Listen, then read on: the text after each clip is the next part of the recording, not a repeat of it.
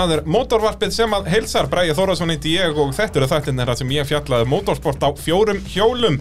Gestir þáttarins Bessi Theodorsson, sæll og blessaður. Komið sár blessuð. Og Jakob Cecil Hafsteinsson sæll og blessaður. Blessaður.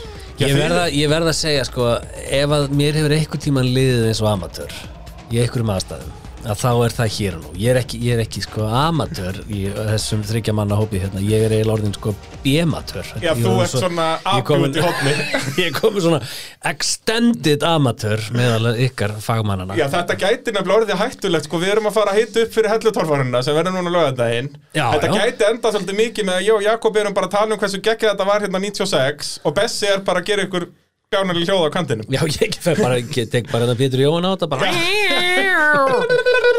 Alls konar eitthvað skemmtilegt. Ég líti að geta lagt eitthvað til, ég trúi Já, jú, blessaði verður við með engar ágjör af því. Þetta er líka bara svona recap fyrir mig fyrir lögadaginn Ég nákvæmlega, hafa þess að hluta á hreinu sko. Akkurat. Það er svolítið svoleiðis, Eh, eins og ég segi, ég tala um hellutorfaruna og þið eru náttúrulega vanir menn, Jakob, þið og uh, alltaf dásamlegt í að Sirius stúdíóinu, en það ekki? Ég hef ekki Jú. komið hingað, þannig að Það er rétt, það, þú þetta er nýja stúdíóið. Já. Já, er þetta eh, hvað það, hver er að, hver er að sponsa þetta? Nóa Sirius stúdíó Já, ég ætla að fara serious Ég ætla að fara, er þetta, er þetta ser, hérna Honeynot serious stúdíu En þetta er nógu serious Já, heldur betur, súkla út um alla veggi og getur ekki klikkað. Og mótorvarpið að sjálfsögði bóði AB að vara hluta bíljöfur spílapunnsins tækjaflutninga Norðurlands og Ólís og Það uh, var eitthvað búið að fjölga í heldur síðan ég kom síðast. Við vorum við ekki bara með tvo eða þrjá síðast sko. Já, einn eða tvo Já, já, það er bara mótorvarpið á bullandi siglingu eins og mótorsport almennt. Já, já, já, já, en ég sé það er komið ný, ný, nýr hattur og svona. Já, að ný skyrta og þú veist, ég er búinn að setja þessa gallaböksur í þvott meira að segja, sko, þannig að þetta er alveg bara maður er að fara alla leið í þessu. Maður er að missa sig í glamúrnum. Uh, eins og segi, við ætlum að tala um syndartorfæruna árið 2021 sem fer fram núna á laugadaginn 8. mæ og þar verðum við með helgarinnar beina útsendingu á motorsport.is Jakob, þú verður að mynda eins og þeir einu með lagið jú, jú Og við ætlum að vera á lúmskir og svona setja upptöku græjur á þína myndavél þannig að þú getur ennþá bara haldið áfram að gera það sem þú gerir best og við bara svona stelum myndunum þínum og setjum í beinu útsendinguna. Mér líst vel á það Er það ekki? Jú. Það er bara, það er eina vitið. Og meðan ætlum við að bessi að vera öskra og garga og vittlesast eitthvað. Já, mér líst vel á hann að lega þetta þetta, er, þetta verður í fyrsta skipti sko, sem maður tekur torfærin og svona. Þetta verður bara eins og maður sé að lýsa sko, bara formúlinni eða Já. eitthvað. Setjum maður bara inn í stúdíói, bara með headphone á og horfur útsendingu og, og er svo bara eitthvað uh, jöflast sko, ætlum maður verður ekki ég verður að fara að horfa þarna á gæjan sem að lýsir hérna frjálsum. Heyrðu, já, hvað heitir hann aftur? Ég man það ekki, það er algjört legend sko. Hann er basically að lýsa málingu þarna sko. Og hann verður svo æstur og spenntur og maður heyrir bara hvað honum eru að bara Já, já. potast í gegnum bólinn sko. Verið á... Hann er að hraðlappa hérna inn í Íslandsmetni heimsmystara eitthvað og kemur hann í mark leiðar einhver annar sem er að hraðlappa fram úr honum og þetta er bara, hann er svo mikill enthúsiast Já, þetta, þú náður hann mjög vel hann sko. Ég- Hann getur verið bara á 18 kilometr af 63 í einhverju göngu og Já, er já. bara að missa það Ég meina að ég sem að sko taka svona kynningu þegar bílarnir eru sko að keira frábraut. Já, já, búinir að já, úr brautina. Já, úr pitti Hann er að prófa gasið! Þetta er rosalega Og öll dekkin er undir bílnum og ég veit ekki hvað, hvað. Hann er með fullan tank Já, já, Þetta á eftir að vera veistla, menn ég verð svona Já, og skúli er komið 1200 stig og hann er að keira inn í pitt Já, einmitt, já, það er maður geta þessi bíl hann var smíðaður hérna 1932 og í þess að var uh, sérvulegt uh, grind Já, gott, gott, gott Og meðan að þú ert bara að, að missa þvag við hliðina á mér Já, yfir, yfir þér að vera keira frá sko. Heyrðu, þetta, þetta, bara getur ekki klikkað hvernig verður þetta þá þegar að þeir fara í liftarunni tilbaka? Já, já, já Þá við, ég, þarf að fá, ég þarf að fá upplýsingar hjá Kára hverjir verða á lifturónum, nöfn, Já. aldur, fyrri störf, símanúmer jafnvel og samfélagsmiðla Kennitala og bara allir já, já, og ég þarf að taka vel á því sko. Já. menn enda líka liftarastjórar hafa verið alveg endalaus uppspretta afþreyingar fyrir mig í gegnum tíð Já. þegar það er ekkert að gerast í brekkunni sko. svo mínútum, jafnvel mínútu hérna, tuga mínútum skiptir að þá er oft gott að grípa í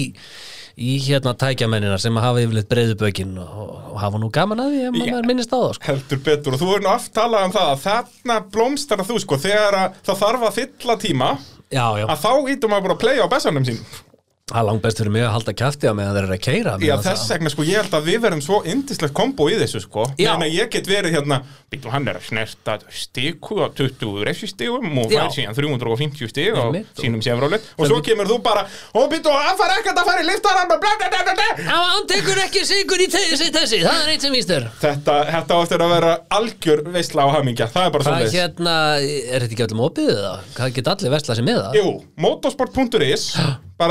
það? Fara þangað inn og þar er uh, linkur til að kaupa með það og það er bara 2500 kall Og hvar get ég horta á þetta? Það verður bara inn á motorsport.is En ég get ekki farið inn á sjónvarp Símans eða í Autofón því eða... ekki að þessu sinni sko, en planið er að sína núna hvað við erum sniðir, hvað það verður flott Mm. og þá getum við farið upp á rúf eða eitthvað og heyrðu, sjáum við hvað við erum góðir í svona beinum útsendingum. Mm. viljið þið kaupa þetta af okkur? Bara bing, bara búm. Þannig að um að gera að styrkja flugbyggjurnarsveitina þar sem að, já, mest allur auðin fyrir það við reynum með þetta að láta þetta standa undir kostnaði, þetta er náttúrulega rándýrt svona bein útsending en, en auðvitað mest allt fer e, til flugbyggjurnarsveitarinnar og eh, eins og ég segi, kaupa miða á motorsport.is og svo bara byrjar streymið þarna bara kljóðan 9 á lögatarsmotni og uh, keppnin sjálf byrjar kljóðan 11 þannig að uh, þetta er bara eina vitið. Og í þessum þætti ætlum við bara svona að fara yfir keppendalistan. Þetta er náttúrulega magna, það eru 21 keppandi skráður til leiks í tveimur flokkum, teknilega þremur þar sem að Jónas Kall er í modified flokknum en hann er bara eitt þar þannig að hann mun keira með unlimited, að sérubúna flokknum. Og uh, býtu, wow, wow, wow, er það þá, er það þá fjórði flokkurinn eða? þriðji. Þú ert með Street Legal. Já, modified og unlimited. Það, Sko, Modified er sérútbúinu göðubít, það ekki? Já. Já. Það eru basically bara, það eru bara sérútbúni bílar sem að eru á skópludekkjum en ekki ausudekkjum. Já, Og e, skráningu eða? Nei, nei, nei, nei, þetta er bara röra bílar. Þeir verða reyndar að vera tvíbreiðir, er það ekki? Jú, held það Og það stendur eitthvað stað svona verða að hafa útlit bíls. Já, já, Þannig að þú verður að setja BMF grill á hann eða eitthvað. Já, þetta er BMF, flott, flott, já, flott. einmitt. Þannig að mér- mér minnir að svona basic munurinn er, er þessi á, á þessum tveimur flokkum. Þessi, það flokk, er of, ha, þessi flokkur hefur ekkert verið í gangi á Íslandi í dátum tíma? Nei. Ég eitthvað tíma sko, þegar ég var að byrja að lýsa þá var, þá var alltaf þá var alltaf tveir, þrýr, fjóri bílar í þessum sko, ég svo sem náði aldrei mununum að þessu sko, en, en hérna ég maður að þetta var alveg sko major vesen. Þegar það kom einhverjir amerikanar eða brettar eða eitthvað fjandinn og voru að fylgjast með helltorfarinu, þá hátti ég að fara að útskýra þetta allt saman á ennsku sko. Stíllíkal og Modified, og, og Unlimited og allt þetta. þetta var alveg Bara hausverkur, fatalegt. já. En varðandi tímabilið núna það hefur oft verið sagt sko, oft eru við að spjalla saman í upphæðu tímabilið, svo við sem, já, vá, það er búið svo mikið að gerast og margir nýjur og breytingar á bílum og breytingar á eigundum og aukuminn á liðum og eitthvað, það er eitthvað, það er á okkur öðru leveli núna, það ekki Bara, trillingurinn í sko, torfærinni og fréttirnar og sögurnar sem verða bara áður en að keppninni byrjuð. Því við verum að tala um það Íslandsmeistarabílinn er seldur. Algjör nýlið sem mætir á honum. Snorri Þór að koma aftur. Óli Bræi að fara að keppa við við erum að fá innvíð frá 2016 hérna aftur. Haukur Viðar komið með Big Block í, í hekluna sína. Skúli allar að segja heiminn, ríkjandi heimsmeistari og allir hinnir, þú veist, þetta við munum fara eins og ég segi, bara yfir listan og, og, og bara tækla þetta allt hérna svona næsta klukkutíman hérna í mótovarpinu þannig að bara strap yourselves in Hallið ykkur aftur og rífið flippan og verum hrímkaldum Úi! En áður en allt þetta gerist að þá ætla ég að minna ykkur á tækjaflutninga Norðurlands því að þeir flytja allt frá lifturum yfir í bíla og báta og vinnuvélar út um allt land. Og skiptir engum máli hvar þetta er niður komið þeir græja þetta fyrir ykkur. Þannig um að gera að hafa sænpant við tækjaflutninga Norðurlands. Og þá langar mér að byrja að spyrja ykkur áður en við förum að fara yfir keppendalistan hvað er svona ykkar skemmtilegasta braut á hellu? Þetta hella Þetta eru sex brautir, í gamla dag voru þetta vissulega átta en þetta eru yfirleitt svipaðar brautir. Fyrstu tvær til þrjár eru þarna í braut- Kantinum, í, kantinum, í börðunum og því. Svo kemur fjórða sem er alltaf þarna tímabrautin ekki áinn, heldur á opna svæðinu þarna. Svo áinn og svo mýrin. Jakob, hvað er í uppáhaldi á þér? Sko, svona fyrstu þeirra ára brautinar oft eru mjög góðar. Mm. Svo náttúrulega er áin á mýrin Allir ég verð ekki að segja bara áin Já, Mér finnst það alltaf bara það er líka svona, það er auðvelt að segja það. Þegar bara svo gaman að sjá það fljóta þarna yfir. Veist, Mýrin er alveg góð líka. Já. En ég, mitt er eiginlega bara áin. Já, og það er náttúrulega líka svona það sem gerir þessa keppni uník. Það er hella sem að þetta er, þetta er einmitt máli, sko, hellan hefur þetta sem svo, marg, sem svo marga langar í. Já. Þetta eru stórkostlega brautir sko. Já, þetta er heldur betur. Og þú veist, meira sem eins og eigilistæður og svona sem er á pollum þar er alveg stóra og svona en einhvern veginn er þetta ekki það sama og langa fleitingin yfir á. Þú veist, við erum að keira í náttúrunni sko. að, þetta er alveg magnað, Bessi hvað er, er, er, ertu sammála Jakob hérna, verður að vera áinn? Ég veit ekki sko, þetta er eins og ég segi þetta er, þetta er þarna þessar saksbrautir. Eh, tvær eru algjörlega uník og við vitum alveg að hverju við göngum með mýrina og anna en við svo sem vitum ekki hvað er að fara að gerast en, nei. en við þekkjum brautinar fyrstu þrjár þrautirnar eru yfirleitt svona keimlíkar. Það er þarna innst í gilinu eða hvað við viljum kalla þetta. Já. og það er svona verið að reyna að taka börð og aðeins svona ökuleikni sko, það er svolítið svona flóknari. Svona upp og niður og Já, beigur og í brekkunum og svona. Veist, það er, ég hef svo ógæslega gaman að því að sjá þessa kalla og kellingar, okkur vantar fleiri konur Já, nákvæmlega. Að sjá þetta, þetta er sko, þannig er ekki bara allt í fokking botni allan fokking tíma sko. Þarna þarftu aðeins að spá spökulur og þarna fer reikningurinn í gang skilur á ég að bakka, á ég að taka stik og ég að beigja, á ég hvað gerir sandurinn, er ég að fara að rúla niður? Ég er svo gaman að fylgjast með því hvað þessar aukuminn eru að gera í þeim er, veist, ég ætla ekki að segja að það geti allir sett pinnan í gólfið og farið yfir ána en það er ekkert allir sem að tækla þessar fyrstu þrjár á þetta, þær eru bara tæknilegar sko. Algjörlega og þarna sjáum við líka úslit oft svona nánast ráðast. Þú veist, það hefur oft gestað einhverju ökumæri komið með 200-300 snega fórskot fyrir tímabrauta hlutan í rauninni. Já, Það eru- það eru svo trikki líka. Já, Þess börðin geta verið annarkort þarfst að taka þetta á ferðinni eða svona máta og svo gefi í sko. Já það er eru að svo, læða maður veit ekkert framdekkjónum og hvernig svo gefa í sko. Já, maður veit ekki hvernig börðin er og það er náttúrulega er svona þeir þurfa að pæla sko. Og hvort ert að fara sko, hvort ert að fara að stinga þér upp og hvort ert að fara að snúast aftur og bakk eða eins og við höfum séð áfram Nákvæmlega, nákvæmlega. Á, grindinni sko. þetta er, þetta er, það mér veist, hella stórkostleg bara alla breytindar en ég svo sem á ekki neina uppáhalds en, Nei, nei. en svona fyrir mig sem lýsanda hefur mýrin oft verið að gefa. Já, það er enda rétt, það er Mýrin. fólk, fólk að drulla í orðsins fylgstu merkingu. Já, já, já, já. Það hafa oft verið mjög gott. En ég meina að það er líka bara eins og tímatrautin með, Fjórða, fljúan, með já. Það, hún hefur oft gefið líka vel Já, þetta er, þetta er tilþrjóða svæði og Og finnst til að mynda til dæmis tilþreða velun eru yfirleitt veitt fyrir einhver tilþreða sem voru í fjórðabröndinni Já. Það er yfirleitt, þú veist, gestur hérna á árið prjónið hans, Aron 2019 fór upp á tvö hjól, allt þetta, sko. Já, já. Þannig að, að þetta er erfitt að segja en, en það eru svona smá fréttir hvað varðar brautalagningu Ég var nú að koma að fundið með keppnistjóranum okkar og nú Kára og það vera pínu breytingar það er þess að þriðja brautin sem er yfirleitt komin á opnasvæðið þetta er þess brautin þar sem Þór Þarmor fór fram fyrir sig 2019 eða var það 18? Nei, var það, það var 19 19 Já, síðast keppni heldur Akkurat, já, sem ég hitti fyrir, það var náttúrulega ekki fyrir af COVID. Að við munum ekki nota það svæði þriðubröðun heldur verða fyrstu þrjár allar þarna innst. Og það er ástæða fyrir því að það er sérst, út að það kemur eitt svona, eitt sem tekur svona smá beigju og þar eru skemmtilega börðin, við höfum aldrei getað notað út að áhöröndur myndi ekki sjá þau.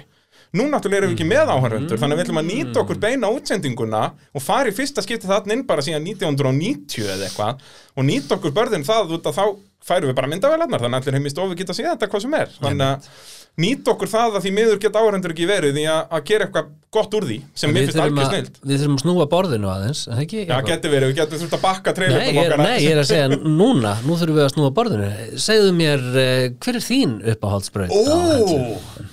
Mín uppáhaldsbraut á hellu er ég ætla að segja bara, bara kalt mat, bara fyrsta brautin svona yfirleitt er, það er alltaf eitthvað drama þú veist, maður man alltaf, veist, gísli 95 þegar að hásingi fer upp í vél og allt fyrir steik.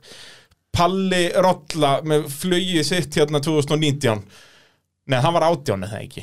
Það var 19 hann var 19 og, og veist, eins og það var í fyrra að þá komst engin upp barðið nema Þór þannig að hann að, byggja sig upp fórskot allt svona elska ég þegar það er þú veist, bara einn og einn komast upp og þeir ná að byggja fórskotin síðan tapaði kannski niður aftur og þú veist, svona þessi nördaskapur með stig og allt þetta og þú veist, keppnin sjálf, vissulega gaman af eldónum og öllu þessu dotti en, en keppniselementið er, er svona sem ég fíla mjög mikið og þess vegna er fyrsta brautin það er oft sem úslit ráðast þar þó maður átti sig ekki á því náttúrulega þegar því stendur en þegar maður horfir tilbaka yfir stíin, heyrði já hann tapaði sér fyrstu breytin þessi. Þetta er líka sko, fyrsta brautin er alltaf fyrsta braut tímabilsins. Maður er búin að býða svo sjúklega. Mm. algjörlega, allir bílarnir nýbónaðir með nýjum limeðanna allir svo spenntir og það er svo mikill læsingur Gummi Elías, Fyrsti. 17 ára mætti þarna velti í fyrsta barið, þú veist, allar þessar sögur líka náttúrulega, já, 100% og eins og þarna við erum að fara að sjá nýliða á, á guttanum, meistarabílnum, allt þetta hann er að fara að kera sínu fyrstu metra þarna.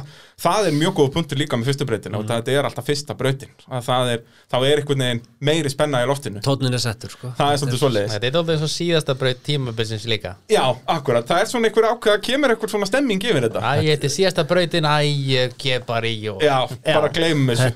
þetta er tilfinningaþrungnar brautir Já, nákvæmlega.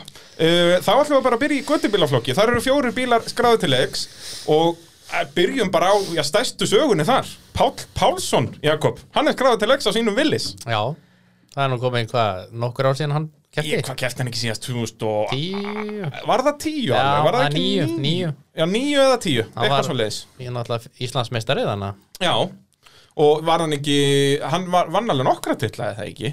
Van, Var hann bara einu sinni mistari? Hann var allan á 2008 eða ekki? Jú, mér minni það. Og jafnvel fyrsta ári, það var steini fyrsta ári, ég er ekki viss. Það gæti að verið Palli. Ég var að vera viðkynna, ég er með allt niður um mig hérna. Hvort það hafa bara hreinlega verið 2007 líka. Og sami bílinn og Já. Já, þetta er sami villis, en hann er bara búin að vera inn í geimslu núna. Ég veit ekki hversu samkemni sem hann var að vera Hvort hann verði bara með 350 eitthvað Það þeir eru náttúrulega orðnir helvíti kraftmiklar enn í göttubílafloknum Já, núna. þetta er þessar reglubreitingar og... Já, og núna er, er aflgjafar leifðir Þannig að, að Já, bara dásamlegt að fá Palla aftur í torfærinu Hann er líka svona karakter, sko. Hann þekkir alla og, og svona bara svona svolítið nafn í þessu. Þannig að ég er mjög peppaður yfir honum. Uh, Vestmenn við sjáum ekki að sjá Fáum ekki að sjá nýja pjakkin Nei, Hann er ekki skráðan til leiks. Hann, uh, Vitum við eitthvað hver, hver staðan á honum er? Ég meina við erum búin að sjá á samfélagsmiðlum Já. hjá Bjarnum, að það er komin bíl Það er komin grind. Hann stendur í stendur í Stendur í lappirnar. hjólin En Já, er kannski ekki mikið meira. Það er náttúrulega sko smáatirinn Við erum að sjá það núna mjög vel hjá Móra sem er, þeir eru að smíða það hérna í Vestmannegjum Já. að hvað smáatriðin eru djöfulli mikil sko. þú veist, bíllinn þeirra var tilbúin var ekki tilbúin fyrir jól já, tíma sko. og síðan er þetta bara heil helgi fyrir bara í að gera þetta eina rör hérna eða þú Já, veist já. að bara rafkerfi þarna megin og eitthvað þannig að þetta er, þetta er mikil, mikil vesen og mikil vinna en frábært að sjá Palla aftur uh, svo er það Óskar Jónsson á Úlfinum súkkunni góðu hann er aðeins búin að vera að gera og græja smíðaði hurðar á bílinni vetur sá ég og, og svona en, en annars er þetta mestu saman bílinn hvernig, hvernig fer þetta hjá, hjá uh, hérna Jakob? Náttúrulega Óskar vann náttúrulega sína fyrstu keppni á hellu þannig að hann þekkir svæðið allan Það. Það var 2019 Já, ekki, já. jú, jú, bara síðast að hafa kæft á, á hellu. Og þar var það náttúrulega áinn sem skar út um þetta, hann var eini sem kláraði ánæði það ekki Jú, áin náttúrulega getur verið eins og fyrsta breyt hún náttúrulega, ef þú ferði ekki á ána þá náttúrulega er þetta að tapa fullt af stegum það var og, að tapa bara 300 það stegum getur mjög dýrt. Og sérstaklega hvernig tímabreytareglunar eru að eftir svona fljótari þá færðu fleiri stig.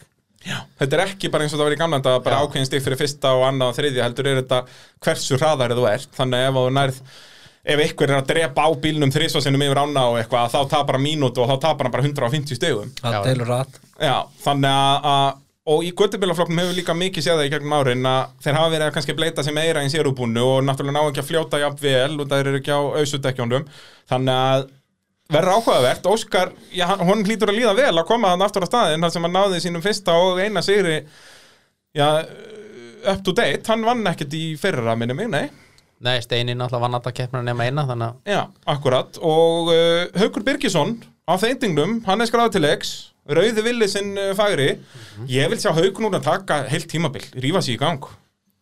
Já, hann allavega deildi því eitthvað staðar að já, já, þetta er komið. Það var hann búin að skrá sig Já, hann það, hann akkurat sko. Þetta er bara á gömlu vana eða eitthvað, ég veit það ekki. Þetta er ósjálflega viðbröð bara hjá að hérna. Já, já, hann ætlaði að opna mbl.ri sem fór og skráði sig og, Og var bara- ah, já, já, fuck it Þannig að, en það verið snilt að fá hann og líka eftir breytingarnar, vélabreitingarnar sem ég gerði á bílnum, var það ekki bara fyrir síðustu fyrra? Jú, er hann ekki búin að fá hérna þeir þá hann í sandspinninu líka til að stilla þetta fyrir sig og Já, Kristján Stefáns og þess að kalla sko að, að, og bílum var farin að virka mjög skemmtilega þannig að hann geti fara að berjast hann um fyrsta sætið hann var alltaf sigraði síðustu keppnin í fyrra að- segja það, hann er eini sem náða að vinna Steinar Bjarna og það er einmitt uh, fjórða og síðasta nafnið í Gauti bílafloknum Stengrum Bjarnason á strömpnum sínum. Ég minna það hljóta ef maður væri betting man þá hlýtur að vera örugast að að betta á steina. Já, er það ekki, hann alltaf hefur margóft keft á hellu og Hann er svo solid, sko. Já, Hann er svo stöðugur, hann stein, sko. Hann er bara, hann gerir ekki mistök. Hann bara kleikar ekki, sko. Einhvern, veginn, sko. Þetta, Hinnir þurfa svolítið að vera svona að hlaupa til og svona vera svolítið að sperra sig og vera með allt á botni og eitthvað Steini verðist að verðist vera svona einhver kyrði yfir honum bara svona, keiri þetta bara. Ég held að það sé líka þrautina, sko. svolítið mikið attitútið hans út af því að hann er svo mikið þarna bara til að skemmta sjálfum sér. Hann er ekki að þarna, auðvitað langar hann að vinna, langar öllum að vinna en hann er mjög svona rólegur yfir þessu öllu saman og er bara, já, já, gaman að upp brekkur, þetta er snilt. Já, já. Það er- Hvernig er hérna, vanandi þeitingin, sko? Snæpinn var svolítið að keira var það ekki? Svo- Sonur hans, jú. Hvernig verður það núna? Á að vera með liðakeppnina? Já, ég held að F og Æsland ætla að halda því áfram að vera með liðakennina. Ok. Þannig að þeir, það er hægt að skipta um ökum en til að vinna sérst þann byggar þó að sé vissulega ekki Íslandsmeistara byggar en, en sérst, er, er byggar og bara hægt að hugsa um þetta sem byggarkeppni í rauninni. Já, já, bara það bara og það sem er náttúrulega tæð snilt við töluðum nú aðeins um það hérna í einhverjum þætti hérna mótavarpinu hvað þetta er mikil snilt, sérstaklega í torfærinni. Þetta er svo mikið liðsýþrótt og kostar Já. svo mikið af peningum að það getur verið svo svakalega gott að geta herðu, þú hérna servismæður sem er búin að vera að hjálpa mér að bara smíða bílinn í tvö ári eitthvað, vilt þú ekki bara keppa með en ég fyrir út á sjó eða veist, vinn mér inn einhver auðra í staðin fyrir að tapa þeim skilur Ég held að þetta byggir líka bara upp mórali skilur. algjörlega, 100% Allir fá einhvern veginn að vera með og þetta er þó að sé aukumæðurinn sem er andlitið út af við þá eru svo margir á baku hvert bíl sko, ég meina aðal, aðal tekkin eh, hann fær aldrei nógu mikið ró sko, Já, sem, er, sem er upp í pitti með, með hérna fytu og efrifur sko, smurt, smurt bak og fyrir. já, já, meina, og það- það verður nú eitt, ein stór áskorun fyrir liðin þessa helgina út af COVID að þá náttúrulega verða, eins og reglurnar eru núna, þá held ég að verða bara tveir servismenn leiðir með hverju liði. Venjulegir eru tólf eða eitthvað. Þannig að það að, það, það eru bara tveir servismenn með hverjum bíl, aðstofarmenn af við megum bara vera hundraðin í pitt En akkur er ekki pittnum bara, bara skipt það niður, bara átta sótvarnarhólfið en þá þarf ansi mikið af starffólki til að passa. Og kannski kömrum og drasli. Já, og svona, hérna, hafa kostnaðurinn svolítið farin að rjúka upp, sko. En það koma nýja reglur held ég í, Í dag í rauninni, þessi þáttur kemur út að þriðju degi, ákvað að vera einum degi á undan núna, ég var svo spenntur fyrir hellutorfærinni, sko. Að hérna, þannig að gæti verið að verði fyrir leiri leiður út að þetta verður náttúrulega bast ef að það er að skipta um sjálfskiptingu og þið eru bara tveir pluss ökumæður, en ekki, eins og ég segi, tíu eða tól. En við Jakob vorum að ræða þetta hérna fyrir þáttinn og út að sest, allir í þessar hundra það er sér hól, það er ekki liðin er ekki skorðið af þannig ef ykkur kemur með allt í skrúinni ef ég þekki torfæru samfélagið rétt þá koma bara allir úr hinu liðunum að redda þessu Þá er, þetta er einn stór fjölskylda sko, Já, eins og að- margóft hefur verið rætt bara, fá, Akkurat. bara fá Ingo í miðjun á Já, pittnum núna hann svo, bara- svo bara skýst hann bara í hvaða lið sem hann vill hann og... hleypur bara á milli bara alveg, það verður honum líkt Hvað hérna, vissi ykkur af þessu? Má fa- hoppa þanga núna? Vissi ykkur, var, var, var þetta í loftinu? Var það búin að vera til sölu? Eða? Já, já, já, hann var, sérst, ég frétti það alveg Ingo myndi alveg selja hann ef hann fengi tilbóð í hann er sko. ekki allt til sölu fyrir rétt verð eins og þau segja? Ég held að það sé svolítið svoleiðið sko. og Þetta hérna, kallar maður að hætta á topnum maður. Já, og bara verður þetta ásamlegt. Við ætlum nú að fara að tala um hann Þórð Alla Guðnýjarsson sem að keift hann. Og uh, já, kannski að gerum það uh, áður, uh, já, fyrst ætla ég að þó að minn ykkur á að Ólís er styrtaræðileg mótorvarpsins og þeir hafa nú ekki bara verið að styrkja mótorvarpið heldur hafa þeir bara styrt Íslands mótorsport bara síðustu 50 árin. Alveg magna fyrirtæki og hveti þér hlustandi góður að kíkja inn á ólís.is og fá Ólís líkilinn, þá ertu líka í vinahópnum og þá er bara afsláttur af bara svona 30% af öllum hlutum á Íslandi. Ég held að það sé bara annar hver veitingastæður hérna það er tveir fyrir einni bíó uh, af þrif á bílnum og bara enda laust, þú veist, ég skrollaði henni síðan og gafst upp bara eftir hálfa síðu út að það var svo mikið að dótið þarna. Herra, er ekki herra hnetusmjörin í auðvitað frólís? og það, á- ein ástæði fyrir því er að þeir höfðu bara 50 sekundur til að segja alla afslættina og herra nýttis mér eini Íslendingur sem gætt sagt þetta á þessum tíma sko. þannig að þeir bara þurfti að fá hann, þetta var bara praktíst atrið Þetta er hérna, þetta er Já, og lísbílinn á feðgonum Já. Legacyinn og, og Impressan og Mastan meira sem fyrir það, það var allt grænt og guld Það er bara þetta, og meiri sem það var myndaðum alltaf á dælunum bara hjá þeim líka, bara rallybíl og, það var, það var markasetning well done sko. og þannig erum líka að tala um þeir byrjuðu náttúrulega að styrkja Ómar og Jón bara á, á, Ford, á bara Toyota Corolla bara 85 sko. Já, já. þú veist, bara þvílitt fyrirtæki og ég er svo stoltur að, að hafa það með mér henni liði að það halva væri hellingur sko. Og þá langar mér að spyrja ykkur um bestu svona service-söguna. Eða svona ótrúlegasta atvikið inn í pitt sem hefur gæst á hellu þar sem við erum að tala um hellutólfarinn almennt. Og já, mér langar að byrja á að svarinni sjálfur þessari spurningu. Fyrst að Bessi var lúmskur áðan og, og spurði mig eitthvað hvað mér fyndist. Þá ætla ég bara að vera fljótur að svara. Og ætla bara að leif ykkur að hlusta á klippu. Því að þetta er náttúrulega Biggi Braga okkar maður á vettvangi og hann var svo duglegur alltaf að vera með eina myndavél inn í pitt, ég held að þetta sé Óli Guðmund sem er að taka viðtaljarna og þetta er nefnilega akkurat eitthvað sem ég langar sem að reyna að ná eða okkur í, í beinu útsendingunni. Og við skulum bara fá að heyra þetta. Þetta er eftir fjórðubrautin árið 1997 og þetta er Gísli Gunnar Jónsson. Var að klára að gera við sprungið dekk. Við skulum heyra í Gísla hvað hann hafði um síðustu þraut að segja og hvað hefði komið fyrir bílinn.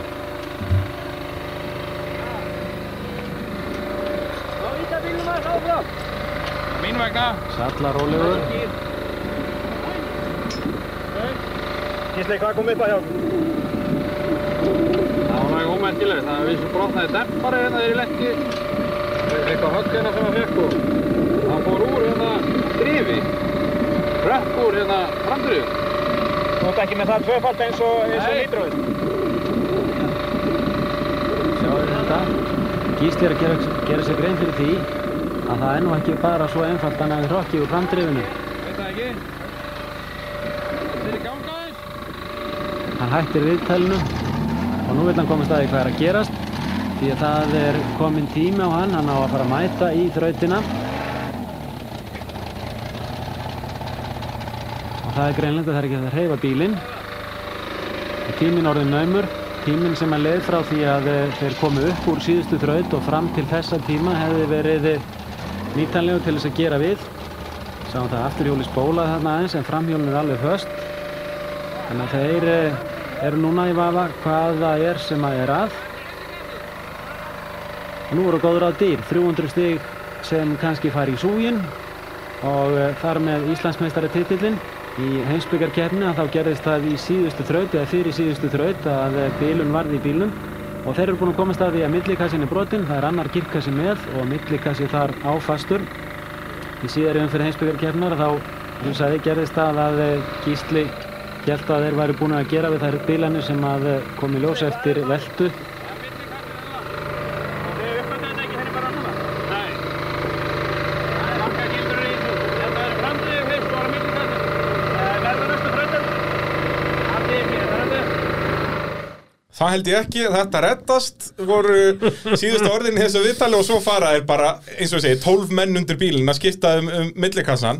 Og, en hann komst í þessa braut, fekk vissulega 60 refsistig og út af hann þurfti að fara aftur fyrir en náða að komast í brautina og kláraði keppna og varði Íslandsmeistari þarna. Er þessi klipp ekstar í bóði á verðavefnum? Þetta er á YouTube, bara gamlar torfærukeppnir. Það er eftir að tjekka á þessum þar að, hérna, gamlar íslenskar torfærukeppnir eða hvað þetta heitir og, og bara hella 97 og þetta var alveg magnað. Og eins og segja að Biggi sé með myndavélarn og við sjáum þetta allt býr til spennuna að þetta er alveg dásamlegt sko. Og hann er að kokka þetta sko til Íslands með heimsmeistara eða Já, já, já, þú veit að hann var búinn að klúra heimsbyggartillinum út að þá velta hann í næstíðustu braut og náði ekki að gera við bílun og mista tímabraut eða eitthvað svoleiðis.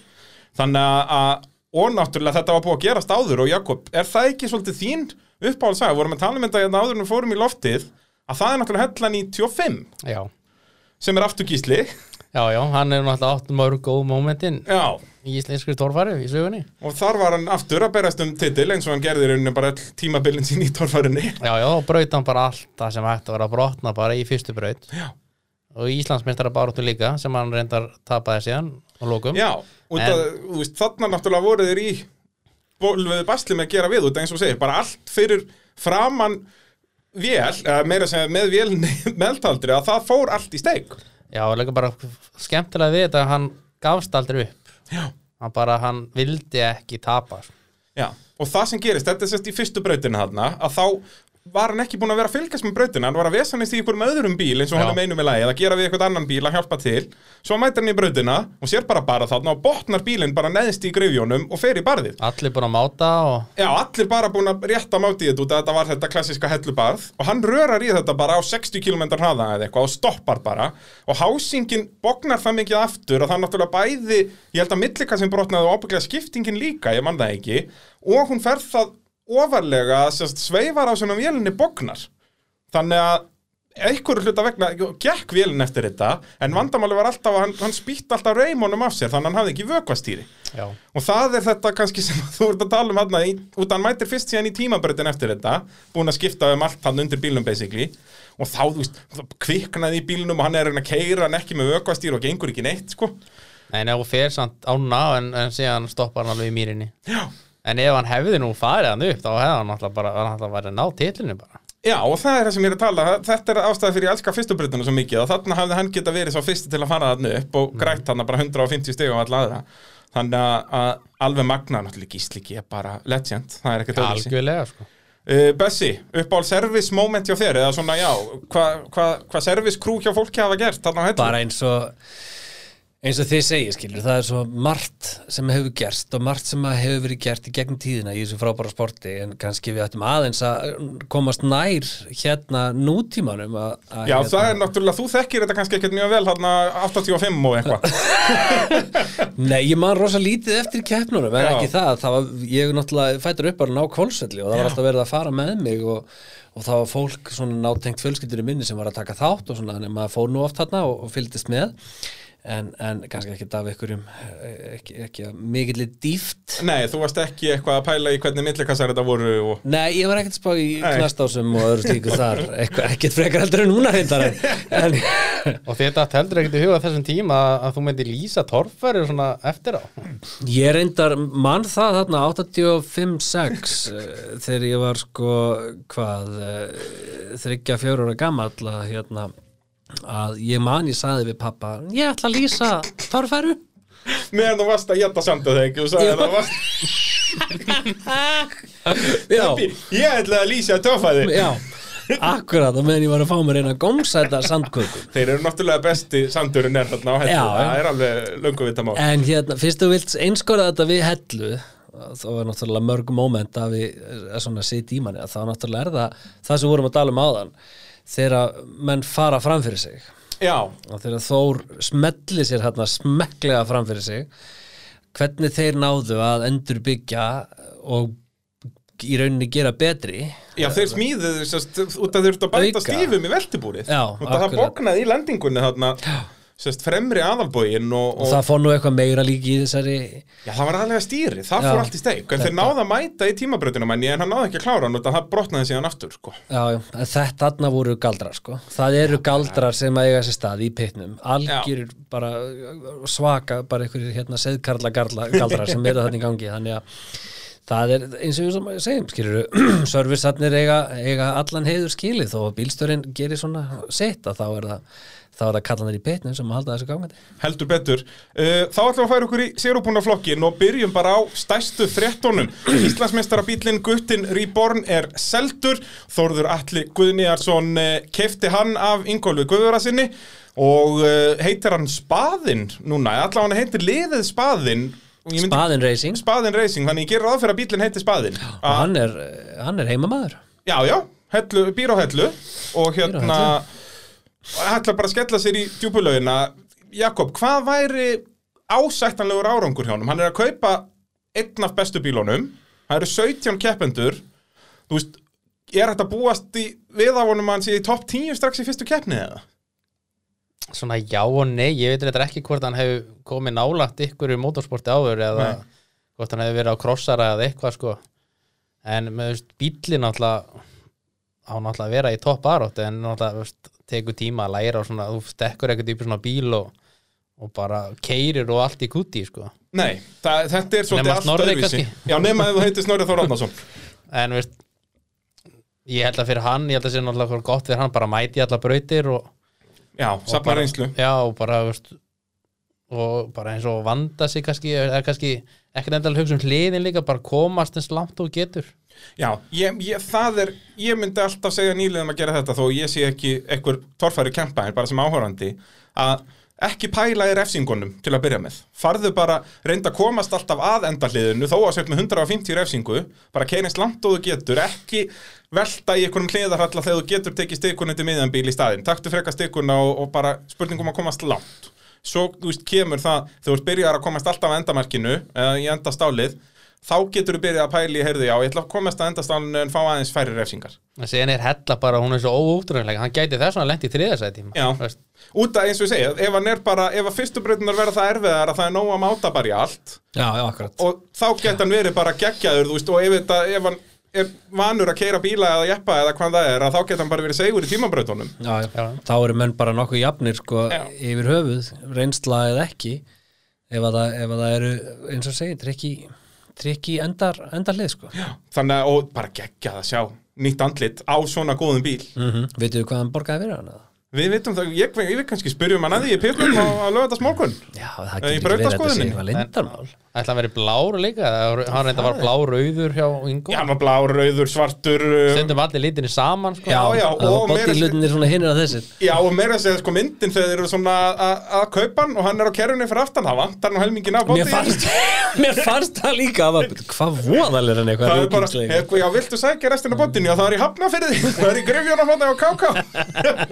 já?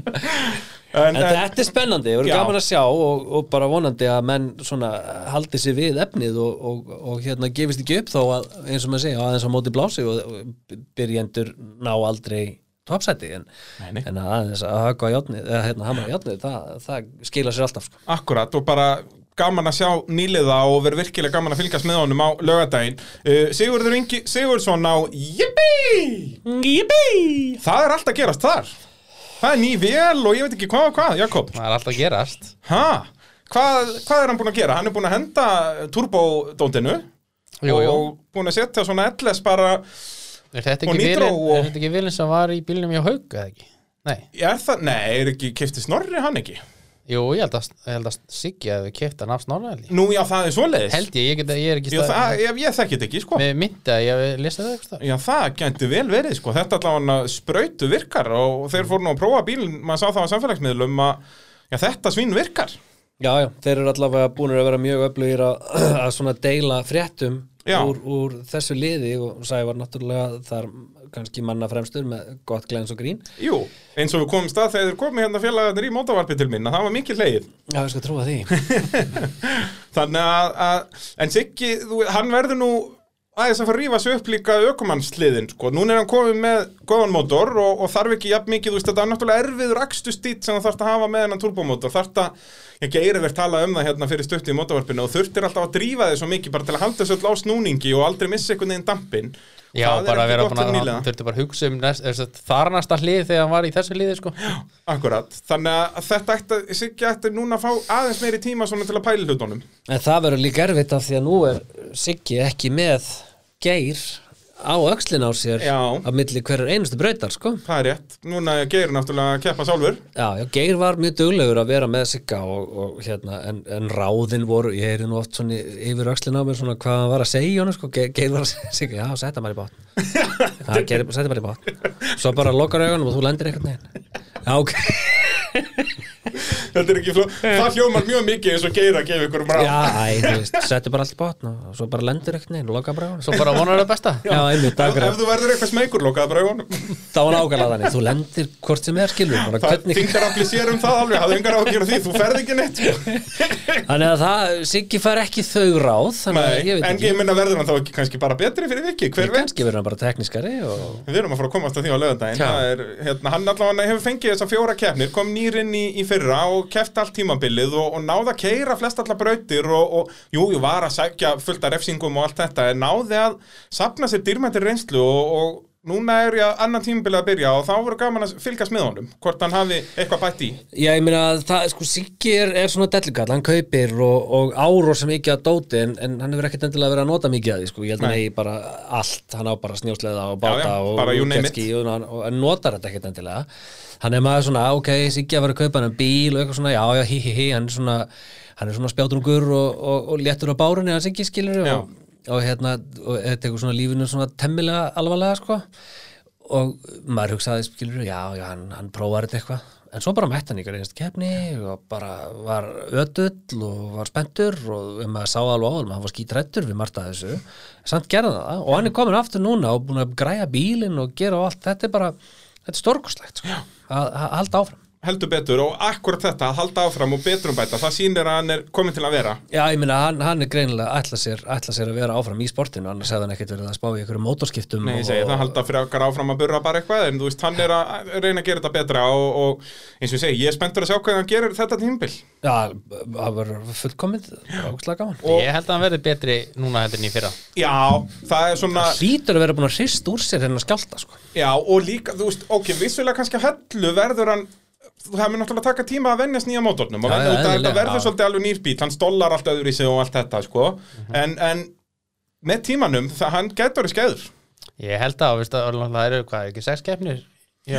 Var bílinn eitthvað lækkar, hvernig var það? Lækkaður hann? Ég held Nei. ekki, þeir hafa eitthvað verið að fyrst í fjöðrun en ekkert eitthvað svona drastíst ég. var ekki aðan bara skiptum vel held ég, ég held Ekkert það í í- Nei. nei, nei, það var ekki, ekki, ekki svo leiðis þannig að við erum áhugavert að fylgjast með! Hún virkaði alltaf svo há sko En það var líka Já. því að Geir Evert er náttúrulega einn og ekki neitt sko. Já, það hann er bara kortir frá því að vera hóla Það er bara- það er næstu í mínustölu uh, Svipaða sögur að segja Það er að segja ekki hvað var að hæðina heldur út að Siggi var keft allt tíma, síðasta tímabil að það er hægt að segja það saman um Jóhann Gunnlaugsson á Thunderbolt. Hann kemur inn þetta á sama tíma kaupir bara eitt besta bílinn hann Thunderbolt og, og gerir svipaða hluti og Siggi í fyrra er ekki að gera neina rósirinn er bara að sapna sér reynslu og er að mæta aftur núna. Stórkostli lið hjá þeim hann bara ein stór fjölskylda hann allt mála bleikt og núna búið að kaupa fullt af rallycross bílum líka og það var bara að fara að segra heiminn.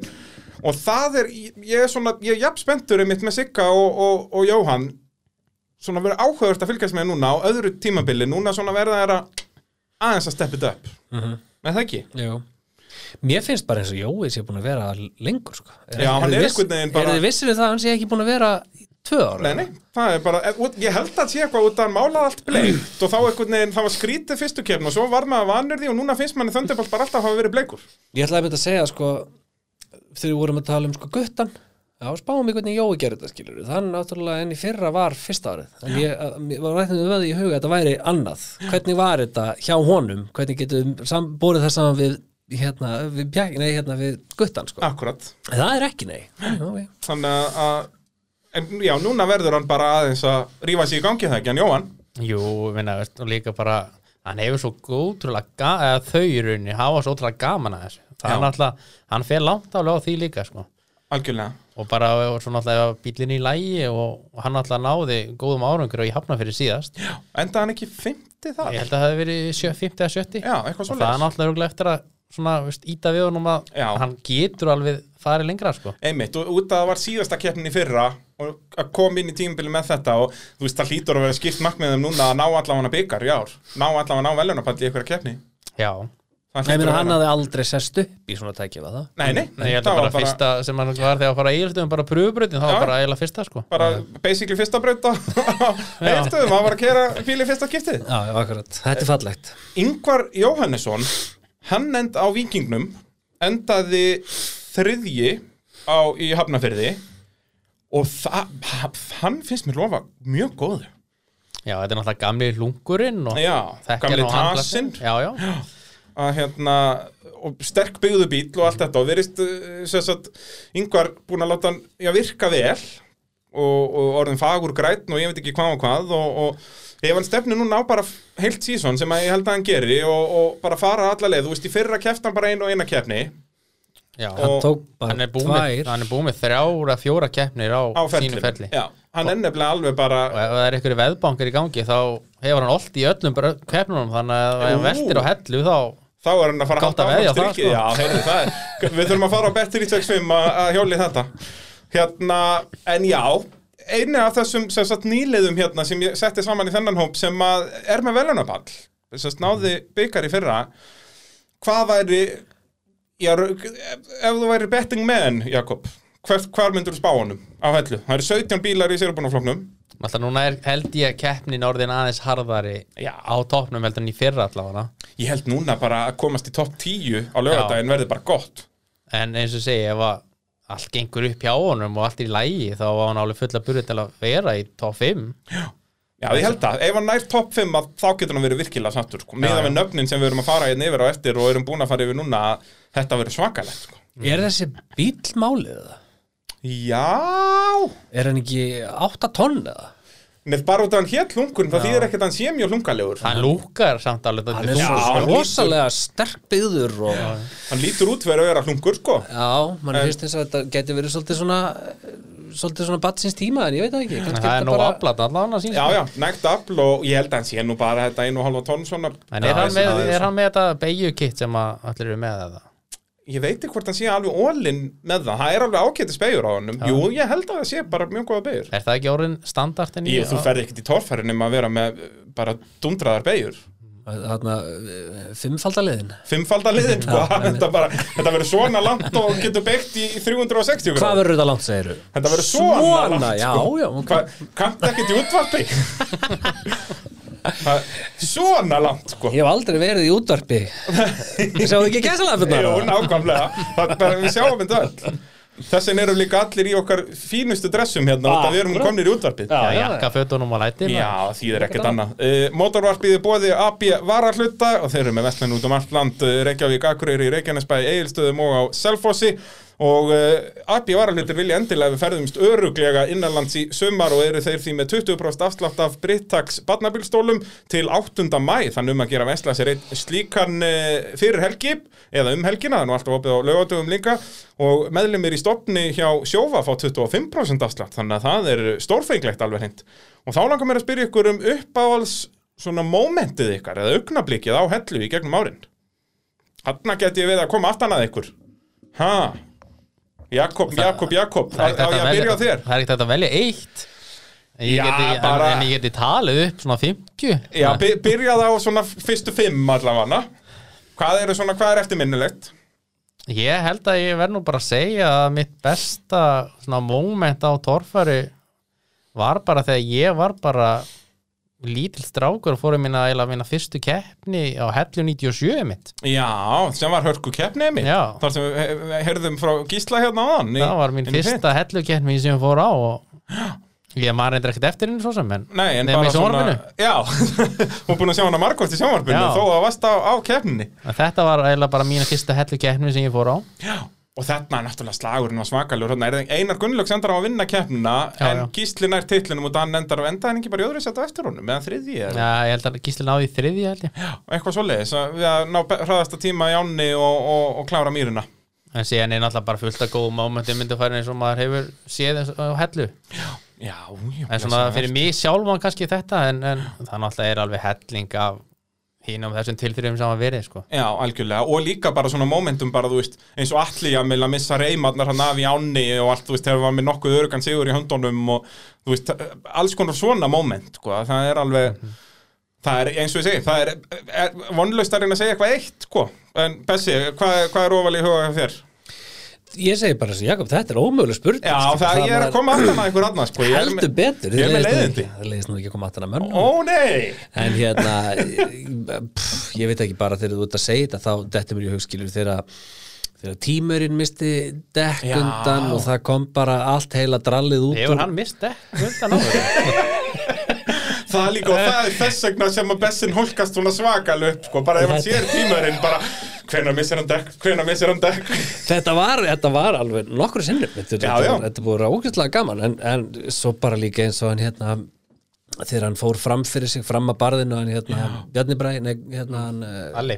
Alli á Já, vá. Það var, það var, það var svolítið magnað Út moment af það sko. var líka bara, út af þetta var búið að vera tefjast eitthvað, það var bara Þetta komið var- svona pyrringur í það var, mannskapinu. það var önnur annað anna startið eitthvað Já, á eitthvað svona- Svanur var nýbúin að fara og velta. Hann Já. fór fram fyrir sig líka Já. en það fór ekki fram fyrir sig en svo velta hann eitthvað í veltan tímabröðinu setna og svo var þetta eitthvað, eitthvað vesin í gangi og bara búið að líða eitthvað hálftími klukkutími og fólk bara, ég ekki að heim og felt niður brautina sinna á lokum. Já, já, nákvæmlega, og Þetta svo var allt í hennu byrtist hann bara það sá hann enginn fara af stað, af Já. allir eru niðri, það sést í brekkuna móti. Akkurat. Svo allt í hennu kemur hann svo fljúandi skítakamar hann fram á og er svo nálætti að fara framfyrir Ég sig, nátt að var trúi því beint ekki hann sko. Það var skemmtilegt sko. Þetta var út af bara sjokkið. Þú veist, ég var að horfa mynda þessu sem er sérst alveg á hliðinu og hann er bara í 90 gráðunum já. og fyndið er út að þetta var alveg svona high resolution mynd að maður sér andlitið öllu fólkinu fyrir aftan og það er allt bara með bara kjálkan í jörðinni bara eitthvað! En þetta var já, stort svona shocking moment. Og líka bara eins og í hérna treyleitnum fyrir ölsinguna núna þegar Þór er að koma yfir ána Já. að því að sko ég stóð í endarliði. Alveg rétt.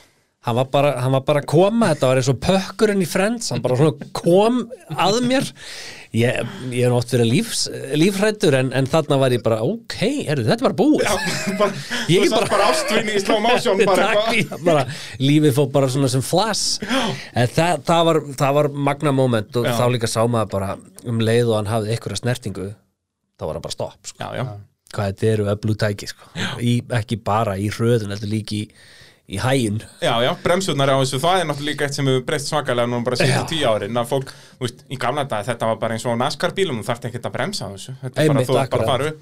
Núna er þetta allt komið eitthvað Vilwood Racing uh, hip og cool, Svo sko, að gestur nátt að var hann að fá nú næstunni bara á kólvarna heldur betur. sama ár held ég. Og var það ekki Já. líki sömu keppni sem hann fór upp á tvö hjóli tímabröndinu, hann var, var árið fyrr Það var ára undan þegar tók hérna Já, það er á Pollin á tveimur. Já, þess að þetta á afturhjólunum ekki. Hann er mikið að vinna með þetta, að tveimur hjólum hann í vatn. Bara en ég held að þetta þetta yrði löng YouTube klippa ef að yrði tekið Já. saman öll minnistað moment frá hellu sko. Jakob, þú hjólar í þetta, þetta verður svona 45 mínútur. Ég held ég hef nú gert það í- fyrra hella best moments Já, hvað var, endaði það í? Svona 16? eða það var eitthvað eða kringum 12 mínútur en það var enda bara sem að það var ekki með áni og mýrinni sko. Já, nákvæmlega. Það var, það var allt Og líka sko. bara það sem þú hefur tekið, þú veist, þetta er bara frá 2013-14, sko. Já, í rauninni sko. Þannig að eigum við bara hinn 50 árin eftir, sko. Já, akkurat. Uh, þá skulum við halda áfram að ég rýna í þennan keppindalista ég er nú ekki með þetta í neinti sérstark röð. Ég hafði ræða þessu svona pínu eftir reynslu og árangri og eitthvað svoleiðis en ekkert, þetta er ekkert heilagt, þannig ekki, ekki crossfesta mig. Næstun ætlum við að tala um Fjölnir Guðmannsson sem heitir á Evu eða Evu 2 eða hvað hann, ég held að hún heitir nú bara Eva en það er nýr bíl Það er nýsmíði Já, bíl sem hefur aldrei keppt í torfar áður. Þetta er semst bíl sem að Hilmar Bragi Þráinsson smíðaði og ætlaði að keppa á en endaði að selja hann uh, norður á Akureyri á, á síðast ári eða þar síðast ári. Og fjölnir er búin að græða Big Block mótor núna í þetta og ætlar að mæta og þetta ég er mjög peppæri við þessu. Já, ég líka, ég held að líka hvernig bílinn virkar, þetta er flott, flott smíði og lúka bara allt flott. Já, þetta er svona norska útlitið Lár. Og er svona, hann er líkari sko Simba frekar en klóndrengjónum og kórdrengjónum eða þannig, hann er sagt, svona too insane að hérna, og mjög vel smíða, mjög lár og náttúrulega þessi Big Block mótor sem var í efu, við veitum alveg hann virkar þannig að, Þetta er þá svona léttmiti og já, já, svona Big. Blockin, Big Blockin er nú Já, ég meina sko smíðin, já, grindin og- akkurat, og, og lár og, og svona allt annað, náttúrulega Eva gamla Eva var náttúrulega smíðaði 97 bara að Helga Sjött hérna á, Já, á, já. á uh, Akureyri, þannig að það, hann var alveg komin til ára sinna með háan þingtapunkt og allt þetta sko, þannig að mjög spenntur að sjá fjölni er, hann, er, hann er að taka þátt í þessu og hann er með í þessu og fjölskyldin er með í þessu hann er aldrei verið einhverjar, hann er aldrei verið með einhverjar sturlaðar yfirlýsingar eins og margir sem við þekkjum sem Jú, jú. hafa bara, já ég ætla bara að byrja og ég ætla bara að vinna já.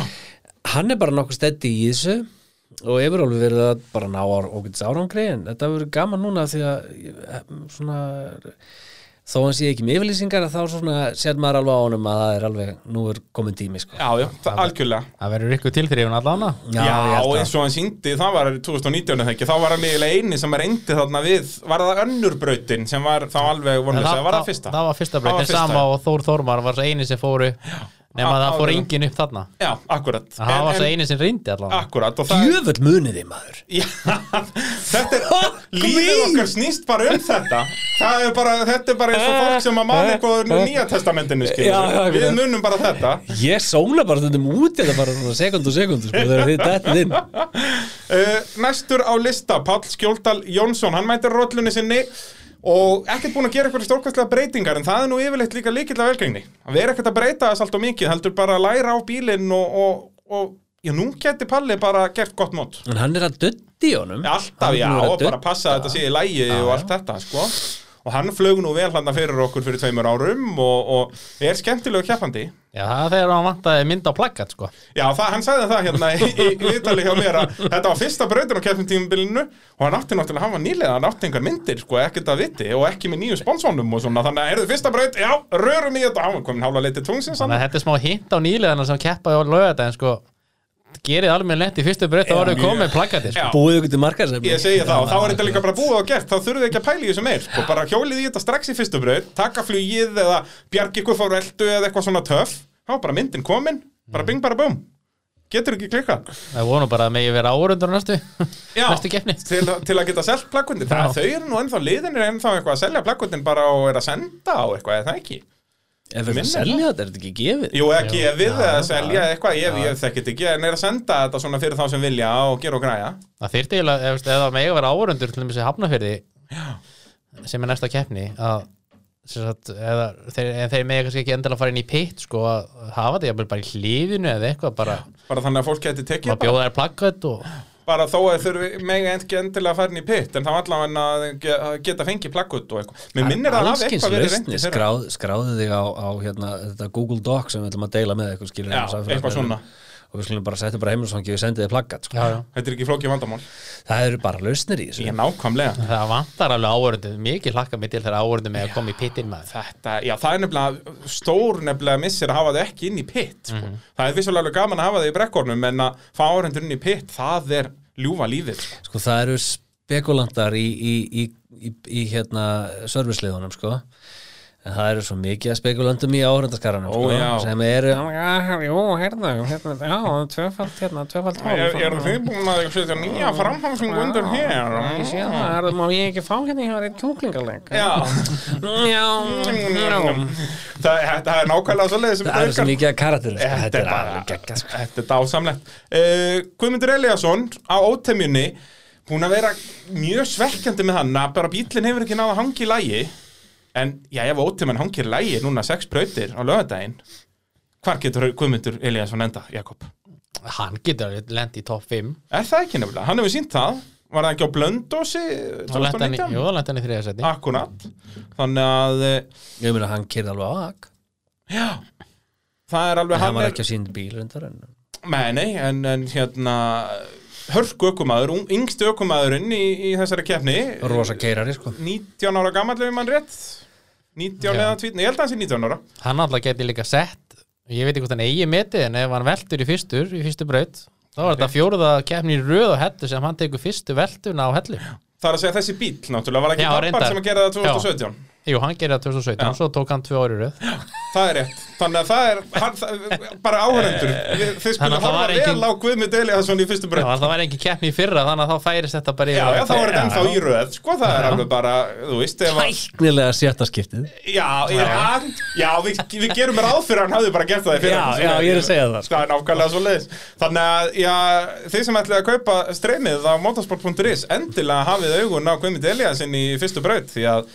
já, hann verður að halda upp í hefðum en svo er spurningin, hefur hann ekki alltaf komið með nýtt útlit á Jú, það er þetta, þeir eru mjög duglegir í því í. Viki Myrdal að koma með eitthvað ný lúk hann var fleimaður, svo var hann allur appi sínum gulur og svo Mountain Dew og Já, alls konar skemmtilegt hvað fáum við núna? Já, Datt hann ekki aftur í Mountain Dew í veitum við það, hvernig var þetta? Jú, en hann var samt en hann var samt svona öðruvís, það var hann svona svartur meira Já. í Mountain Dew-inu sko. Ég var eitthvað að skoða á, á samfélagsmiðlum þeirra, þeir eru búinir að sko þeir eru búinir að setja heillitaða framrúðu. Já, það er bara búið að loka framrúðunni. Og það, hann sér ekki neitt. Getur þetta ekki klikað en það er enda rétt. Þetta er svona svipar ráð og gerir eftir að gefa bara Þetta er bara pétallinn þar hægra megin. Þú þarft ekki að vesennast með neitt annað. Svo kemur bara niður einhvern Ég veginn nákvæmlega. Ekki af áhyggjur maður. Uh, Einn áhugaveru keppandi sem er að koma með comeback Jónas Karl Sigursson heiti bílinn ekki Ruddi hjá honum? Liðið heiti það. það, allavega. Ég man að hann hét Víkingurinn En Já, núna er náttúrulega annar bíl sem heiti Víkingurinn Þannig að þeir fara að slást um það bara hver fara að vera Víkingurinn.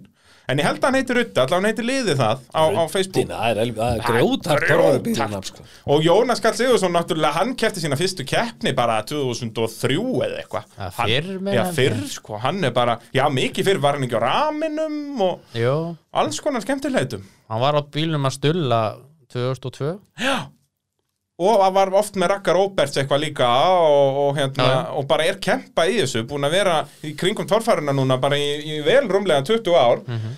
og ég, ég hef bara ekki séð hann í keppni núna bara síðustu 10 árin eða eitthvað, þannig að það verður áhugavert að sjá hann loksins til stýri aftur. Hann var reyndar í keppni 2015 á, á Lillugött Það er rétt. í skíin Já. Í, en ég sá hann ekki, þannig að, að ég fór ekki út í skíin Og þannig að hvernig var það? Þá var hann að, þá var hann að keppa tveir á honum alveg rétt. En ég minnir að hann hefur lent í þriðasæti Já, Jónas er, hann er grimmur sko. Já. hann er ósegur og, og eins og segi, bara gaman og, og ég er að fara að sjá hann um bíl í fyrsta skipti í aksjón En ég held að þetta sé svona svipað bíl og hann var að keppa þá ég heyrði ekki bara saman bílinn Ég held að það getur verið Ég sko. held að það sé nákvæmlega saman bílinn Já. Þetta, sérst, Hann var í Noregi eitthvað En er samt held í Íslands miðaður bíl ég, Við þurfum að spyrja hann aðeins á lögðarsmöndunum hvað, hvað er að frétta með hann bíl hjá, hjá hann Jónasi? En þetta er sérst bíl sem að já, Þeir sem hafa verið að horfa á tálfarna bara á Íslandi hafi ekki séð í íslensku brekkunum að ég er held bara ever. En hann ætlar að keppa á skóplum með það ekki? Jú, hann er skráður í þennan modified flokk En hann mætti sko. samt vantalega að setja auðsunandi undir þegar það er engin annar að keppa með honum. Já, hann gildir ekki, en ég held að hann eigi bara skóflur. Já, En ég held að það sé ekki djúju, hann mun hægja kannski aðeins á honum í torfærubröðunum já. og kannski mýrinni. ég sennilega Er já. þessi dekk ekki bara mjög fín í Þau eru fín í ánni Ég allavega? spurði bara Bjarka Reynis, Já, já. hann fleitti nú alltaf manna best á nifir og hann var alltaf á Þannig að Það vantar hann alltaf alveg bjarga reyni sér þess að keppni sko. alveg agalegt að fá hann ekki á, á sínum gullfallega uh, dýri. Hann hefur nú farið nokkur sinnum yfir ána heldur betur ólsegur þannig að verður gaman að fylgjast með Jónasi Karl. Uh, Ásmundur Ingjaldsson mætir að sjálfsögða sinni bombu. Hann var svona best of the rest í fyrra.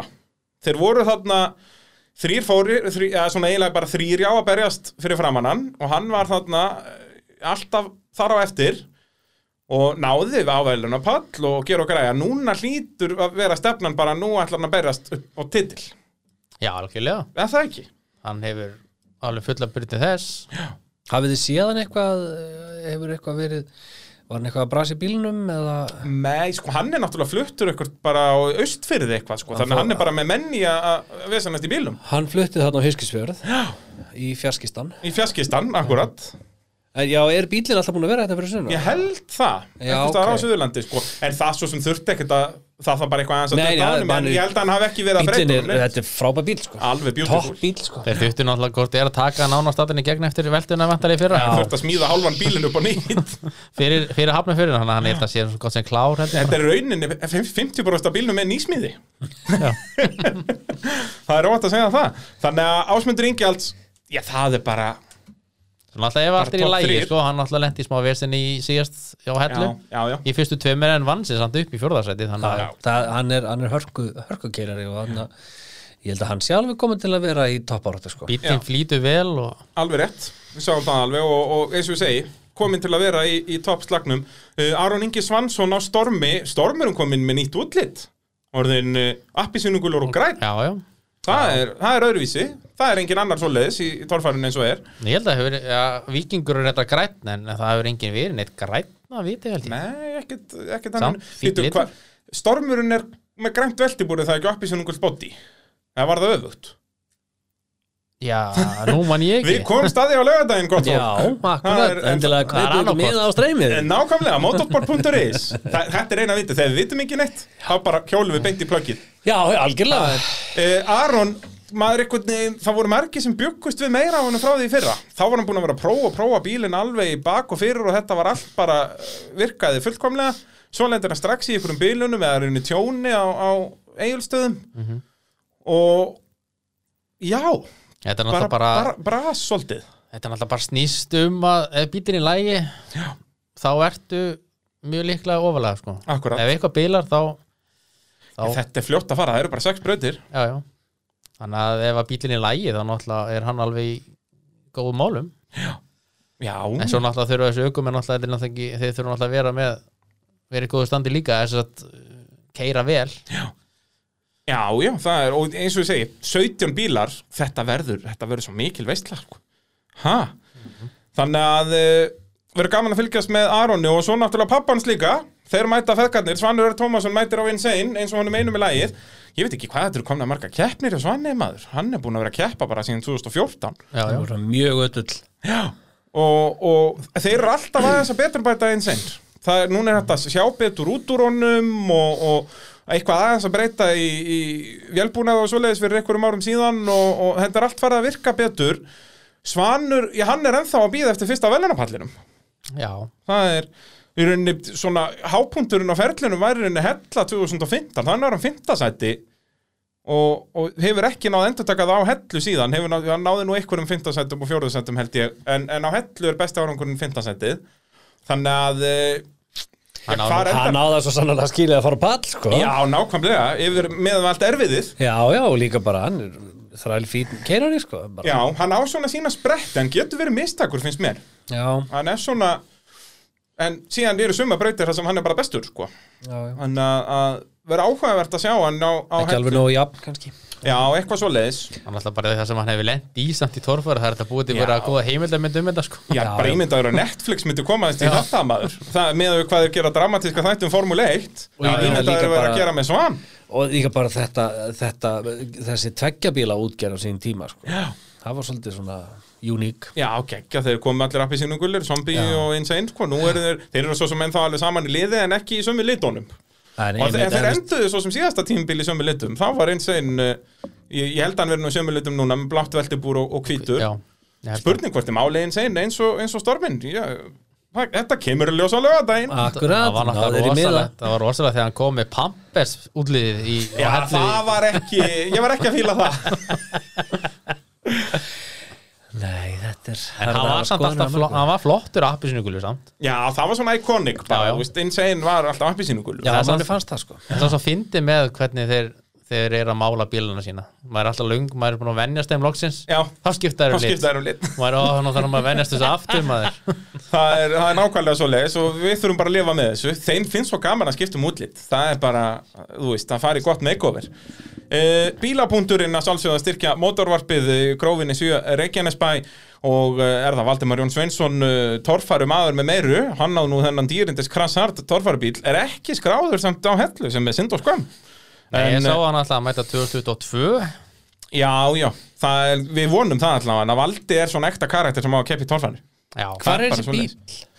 Hann er bara eitthvað inn í skúr hjá Valda held ég. Bara krassart ennþá og Já, bara, sérst, þetta er bara gamli trúðurinn í Já, já, rauninni einmitt. og hérna, og já, Valdi var nú eitthvað, það var búið að vinna eitthvað að gera upp vélina og gera og græja, sko, og, og, en hann verður að fara að mæta, þetta gengur ekki lengur. ég sá nú á samfélagsmiðlunum að Þór Þorma vildi fá hann að lána hann Já, það, ég sá það einmitt líka og, og hérna, skil ekkert Það- ég valdi að geta ekki lána Já, Þór Þormar bíl Já, Þó, hvað er Þór fyrir náttúrulega alltaf svo vel með sína bíla það. og þannig að þetta er ekkert vandamál. Þetta var ógslag skemmtilegt lið, krassart Það var svo, það var Já. svo mikið stemming, þetta voru svo mikið töffarar Og flott líka allt, þú veist, mættum með mertan trailer og Já, merta bíla og allir í bara- peysum og bara hipp og cool. Búin að tatovera sig einhvern veginn Þetta voru svona, þetta voru svona rebel töffarar En einhvern veginn, sko. sko. Þannig ef að þú hlustandi góður við- ert í vandræðum, ert með tjónaðan bíla þá fer í bílapunktin, það eru bílamálun, réttingar framrúðuskipti og allar annar bílaviðgerðir og þá langar mér að spyrja ykkur um stærsta krassið á hellu um gegnum árin Það náttúrulega hafa verið við erum náttúrulega búin að nefna þó nokkur þeirra eins og frontflippi á Þór og, og hann Gísla í fyrst, fyrstu braut 95 og, og meira og meira. Jakob, eitthvað sem að þér dættir í hug? sko það er allavega eitt sem er mjög gamalt sem ég dætti í hug bara rétt á hann. Ú, já, býtu, ég held að viti hvað þú ert að fara að segja. Það er á hellu árið 1994 Ég heldur betur. Það Og er- það er Jóna Gestsson? Já, þegar fyrir hann að framfyrir sig í lokin á Mýrinni Ánni? Nei, á Ánni sem endaði, sérst, þá er hann komin Já, hann var nánast, hann velti nánast bara út í mýri held ég sko. Já, og þetta hann fer þarna út að þeir enda sérst, endahliði var ekki við endan á Ánni þá heldur þurftur að fara í rauninni langleiðin eins og Þór gerði þarna upp í árandaskaran og þar uppi var endahliðið og þar fer Jón Aðalsteinn Gestsson á fullu blasti og þetta er svona stokkpallur og hann fær högg undir afturendan og fer einhverjar sko, þetta voru þrjár veldur eða eitthvað bara endastingur bílum og allt í steik náttúrulega og Byggi var að sjálfsögðu þarna myndavel þannig að þetta Já, náðist á, náðist á mynd og hérna, já, þetta er góð út af bílinn eftir að fóra allir í kassu þarna sko. Já, algjörlega, hann, hann svo bara hann smíða bara held í nýjan bíl fyrir Já. næstu keppni sko. Það er, það er bara svo nákvæmlega þannig. Þannig að þetta er gott sjátt, Jakob. Mhm. og gott að vera með svona heimildamann hérna með mér í stúdíónu sem mann svona hluti eins og ég. En þá fyrir við til Bessa. Sem var ekki neitt. En mér dettur í hug mér dettur í hug þess að títt nefndu fyrstu þrjárþrautir Já. ég man ekki eftir einhverju sérstöku en það eru svo mismunandi. Stundum eru þeir eitthvað að keira og svo bara uh, hægt og rólega eða það er eitthvað bara megakrass sko. Já, það eru svo rosa mismunandi en ég man ekki eftir einhverju sérstöku en maður hefur oft sko, þessar skálar það er gleipastundum sko, það er hafa gleift marga góðan mannin sko. Og oftar en ekki er þetta bara þá gefum bara hérna fólk, bara brekkustadsfólkið sko og bara velti bílnu við og hann kerir í burtu sko. En þetta geta samt oft verið ansi svona bæði klöfulegar og skemmtilegar veltur í þessum skálum þetta Já, ég man í, eitthvað, var það ekki gestur eitthvað tíman 2016 þegar hann brýtur eitt framhjólu undan í einu stálinu þarna? Það er náttúrulega draumurinn alveg að slá í tvö tonnin þannig að það er, það er þung högginn hjá honum. Og síðan, þú veist, ef ég ætti að svara þessu þá myndi ég sennilega að segja eitt nýmóðinn sem er uh, orri á pjaknum hérna um árið í tímabrautinni, fjórðubraut þegar hann fer framfyrir sig og beigir veltubúrið, gæti ekki klára keppni bílinn fór allir í steg og eftasti partur á grindinni bognar upp og ég veit ekki hvað og hvað sko. Þannig að það það er eftir poll eða sérst eitthvað bara hana, í, í einum grasbattanum sem já, já þá er hann að fara þarna bara stekkur og fer framfyrir sig. Já, alveg rétt. Þetta það var heljar högg sko. Magnað að horfa það alveg rétt. Þannig að þetta hafa verið ansi stór kröss þarna líka ofan og öll tilþrifin og ána og mýrina og allt þetta sko, þetta er bara hinn fullkomna torfærikeppni þetta er ekki flókið vandamál. Uh, þá ætlum við að halda áfram. Uh, legend í íslenskri torfæru Daniel Gunnar Ingimundason er skráður á Green Thunder. Ég veit ekki númer hvað þessi keppni er hjá honum en þetta er ábygglega komið vel yfir 100 Já, ég held að þetta er, hvað, hann byrjaði að keppa 98 já, eitthvað svona, eða fyrrjabil Ég held að það hefði verið 98, 98, jú, jú, 98 sem, og það er náttúrulega ekki þetta að hafa torfæra að gera en að hafa danna með sko. Já, það er bara annars getur verið heima hjá þér. Það er bara svoleiðis. Og litríkur keppandi e, Er hann að fara að berast með fyrsta setið? Mér finnst það nú, eh, ég held það nú ekki það endilega en, en, en veist, það, er samt alltaf gaman að hafa hann með og veist, Já, hann getur verið þarna að aðri gera mistök. Já, sjálfsögur, getur alltaf, eins og hér segja hella er svo ótrúlega að, að, að það geta allir fyrir allstar sko. Já, algjörlega. Og alltaf bara bíllinn í lægi og, og þetta þá getur allt gerst náttúrulega. Já, og bara svo litríkur keppandi. Algjörlega, og Danni er náttúrulega búin að vera að keppa í svo mörg ár. Hann er búin að keppa í svo mörgum keppnum. Hann er búin að vera víst, á þessum bílum og, og svona, og það það er svo margt sem að hefur komið fyrir Danna. Já, bæði gott og vond, það bara svona sapnast saman reynslubankin bara. Já, yfir svo mörg ár og marga keppnir. Að hann, hann, bara, hann er eins og þú sagðir þetta í kynningunum skilur, bara legend í sportinu sko, alltaf þekkir alla og þekkir allt saman og veit hvernig þetta virkar og er alltaf með og alltaf til í og alltaf hérna, buddyinn og, og mér finnst hann vera bara svona lökutröll torfarna sko. Hann er Algjörlega. hann bara einhvern veginn svona er hann sýnir svona, hvað segir maður, svona stöðu svona stöðuleika Já, ég tók sko sérstaklega eftir því þegar hann byrjar, hann slefti nokkrum keppnum hérna fyrir nokkrum árum og, og mætti, þú veist, eitt árið mætti hann eiginlega ekki neitt og eitthvað. Þá komst maður að, þú veist, þá fór ég að sakna hans. Já, maður er alveg, þú veist, maður einhvern veginn veit ekki hvað maður hefur fyrir misthefur ef maður á að vera lögurætn og skemmtilegur, sko. Það er alveg að, Dan, þú veist, eins og Jakob sagði það, torfar án Danna er ekki torfar. Nei, nei, en ég held þó að við kannski séum ekkert að spá Danna fyrsta sætinu að þá held ég að við ættum að senda skilabóti Danna að hérna taka sig nú saman aðeins og, Já, stefna á fyrsta sæti. steikið hans að kalla bara. Algjörlega, hann, hann hefur alla burði til þess Já, og bara já. step up your game, dude. Nákvæmlega. Uh, Skúli Kristjánsson, ríkjandi heimsmeistari mætir á simbanum sínum og já, ef að simbi helst í lagi þessar sex brautir sem hefur já, alls ekki verið gefið á síðasta kefnistímubili að þá er skúli að fara að enda veist, í, í, í versta falli í svona sjötta seti hann er alveg magnaður aukumæður Já, eins og ef bíllinn er í lægi þá, þá er hann top 3, top 3 sko. Já, er það ég ekki svolítið svoleiðis? Það er bara, er- hann er yfirleitt ef bíllinn er í lægi, hann er yfirleitt það stuður aukumæður að veist, hann lendir alltaf í fyrsta eða í top 3 ef að bíllinn er í lægi já. Þannig svona aðeins ójafn en heilt yfir Já. mjög stætti sko Já, bara eins og segja, bílinn er í lægi en við, við verum að taka eitt með í reikningin að hann hefur ekki fleitt, aldrei fleitt yfir ána. Það er einmitt það sem ég ætlaði að fara það er það sem ég hlakkaði alltaf mest til og því ég sé það hann fleita yfir litla pollin á Akureyri til dæmis og hann flýgur yfir hann sko. Já. og, hann, hann flýtur mjög vel. Þannig ég hlakka rosalega að sjá Simba fljóta hann yfir sko. Ég held að sé þarna líka verða yngur áhörfundur eins og hefur nú komið fram áður og það er yngar hömlur þó að það sé búið eins og árum áður skilur þá hefur fólk sapnast saman og það er að fara út fyrir gululínuna og svona ekkert að pæli því sko. nú einu bara- satt spæði að það bara pe pedal to the metal og svo getur þú bara að stoppa setna sko. Þú stoppa bara inn á Þú hellu getur eða farið bara já eða bara, þú veist, á selfossi sko. þú bara skottast á selfos for all we care. Þú Nákvæmlega ert aldrei að spá í nefni hættu af neinu eða einu skilur þá að þú keirir niður eitt kamerugæja. Já, það er nóg af okkur Jakobi sko, hafði yngar ágjör okkur. Skiptir nei, verra, blessaður. verra að taka ykkur áhorvendur ykkur, er kipur af þeim. einhverja sem voru að borga síðan á sveiði þeir sem eru á fyrirkomulæginu núna ef að það hefði verið áhorvendur að byrja frá því, það verður engir áhorvendur þetta verður all in all the way Já, á eins sko. hún, hún verður, verður styrluð Þetta verður, ég er bara að peppa svo mikið við að tala við ykkur um þetta að það hálfa að vera hellingur. Uh, Geir Evert Grímsson mætir á ný smíðaðri sleggju Ég fekk Geir Evert í spjallinni í mótavarpi fyrir nokkrum vikum síðan og uh, þetta er skemmtileg smíði, mætir með sjálfstæða fjöruna aftan uh, en hásingu að framann en í stóru fréttunar eru það er að vélinn sem hann pantaði frá bandaríkjónum er ekki kominn þannig að hann fór út á bílaplan og tók vél úr húsbílnum sínum. Já, Þannig að hann verður bara með eitthvað þú veist, hann er ekki að fara að gera neitt á hellu held ég. Ég held að hann sé með bara, þetta er eitthvað 300 hestöfl Þú veist, ég held að hann muni stóla svolítið á það bara að fyrstu brautina verði erfiðar og hann geti bara svona mátað í þar, passa sig á, á stikkonum og svo sjá hvað setur í, þú veist, hann er aldrei að fara að fleiti yfir ána með þessa vél, eða?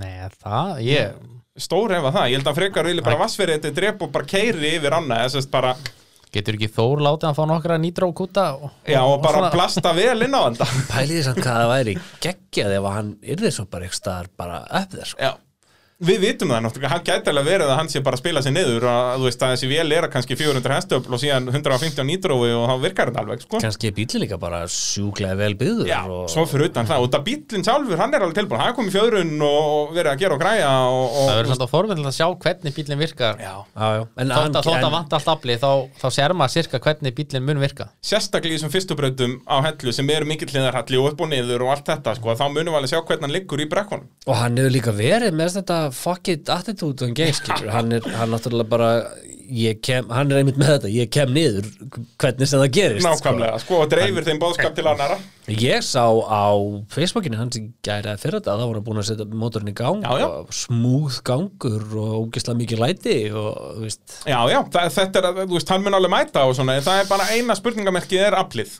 Hver, hversu mikið afl fær hann út úr þessum húsbílamótor þarna, en þú veist, þetta er eitthvað, var fótt að sé við Rebison Travis og þú veist, virkar alveg, en við sjáum hvað setur. hann hlýtur á nóg app til að bæta við þessa 31 veltu sem hann hefur olti Já, svo er það náttúrulega, það er alltaf gott að Jakob er með all veltu statistik á hreinu hérna, sko. Já, já. Að þú veist, eins og með Guðmund Eliasson, ef veltir í fyrstu braut, þá er að fjórða ári röð og allt þetta, og Geirivert náttúrulega hægrétt, hann verður að halda uppi þessum standard sem hann hefur sínt að, ég veit, að minnsta kosti tvær veltur frá Geir. þannig að næstu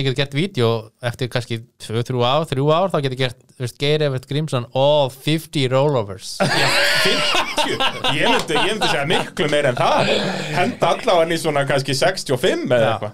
En hver kemur, hvað er hann að kaupa? Ekki það, ég muni skilja nokkuð skapa hlut af því sem að þú ert að fara að svara mér en hvað er hann að kaupa? Hvaða mótor er hann að fara að setja hann í? hann gerivert Já. það er bara svona svipað og var í heklunni og er í kordrengnum og allt þetta, þetta er bara svona sest, sér smíðaður LS mótor sest, byggt á sömu teikningu og sefrálett en sest, keppnis smíðaður mótor. Þannig að hann er ekki með, verður ekki með neitt turbo hann, það er stóra ein stóra breytingin við nýja bílinn. Hann er búin að, búin að gefast upp á turbóin og, og vill fara í sagt, þetta svipaða setup og er eins og í kortrengnum og, og þessum Bara bílum nýtró Já. Akkurat að fá þess að meiri snerpu. Er einhver, er, vitum við hvernig hann kemur? Verður, kemur, kemur hann þessu Hann tíðanbili? hann átt að koma fyrir þessa keppni Já, ok, já, vonandi, já, vonandi bara fyrir ég held að þetta muni bara nokkru vikum sko. hann talaði um það hérna í mótavarpinu að þetta væri yrði tæft. Hann ætlaði að reyna að retta sér öðrum mótor þú veist það er nokkra vikur síðan þannig að vonandi bara fyrir hafnafjörð Við, ég vona að þetta sé þannig að hann sé bara mæti þessa keppni bara svo hann sé ekki aldanlega dottin út úr Íslandsmótinu og kemur síðan sterkur inn og, og fari bara að berast um titil. Og bara það verður svo frábært að sjá hvort, eða, hvernig þessi bíl virkar í rauninni. Það er enn önnur spurningi sem við fáum svarað eh, á slæginu 11 þegar keppnin byrjar á lögadaginn en útsendingin okkar byrjar að sjálfsögðu kl. 9 á motorsport.is Hvernig hérna get ég séð þessu útsetningu? Herðu, þú ferð inn á motorsport.is og þar kaupir þú bara miða og, og Hvað kostar miðin? 2500 krónur sem fer bara, nei, og, og þú ert líka styrkja flugbjörgunarsvitin á hellu, er verður ekki betra, það er bara vel, og við verðum með alls konar myndavélar og, og inn í bílónum myndavélar ætlum að reyna að hafa beinar útsendingu sko innan úr bílónum, það verður litla veislan Og drón er í og... og já, dróna, við ætlum að hafa dróna á lofti bara allan daginn, basically, hann kemur rétt niður bara til að fá ný batteri á hálftíma frestið eða svo. Og, og bara litla, ég, ég ætla að passa mig á því eins og með Guðmund Eliasson að hafa innkarvélina alltaf bara á honum til að sjá hann eðilegja, hvað er það, fjórðastýrið er, er við búin með þrjú eða fjögur, ég man það ekki. Carbon fiber stýr. Já, það er, dugar ekkert fyrir 19 ára Guðmund, sko. hann er grjótmassaður En er ekki þetta að fá okkur fyrirverandi torfærukall til að, til að fljúa þessum drjón? Heyrðu, já, þú meinar? Þeir kunna alveg að fljúa Ég er nákvæmlega, fá Þór Þormar í Hvað verkið er Þór? Hvað getur Þór ekki farið á drón? Hann getur ábygglega flóið honum bara frá Akureyri, það er ekkert vandamál Ekkert vesend Það er ekkert að nákvæmlega, herðu, ég, ég heyri Þór, við reddum þessu uh, Mótorvarpið að sjálfsögðu í bóði bíljöfurs, smiðuvegi 34 það er guðla gatan á smiðuveginum það er alliða bifræðavestæði og gera þeir við allar gerðir bíla, en sér alltaf þegar ég tala um bíljöfur og þá vita hlustendur og það er komið að spurningu dagsins áður en við eh, nefnum hérna síðustu nöfnin á keppindalistanum fyrir uh, hellutórfarina og uh, ég náttúrulega þurft að koma með tvær mismunandi spurningar sko, þetta Jakob veit allt og Bessi veit minna Takk fyrir að fara fallega í það Takk fyrir, takk fyrir. þannig að ég ætla, ég ætla að byrja á Bessa.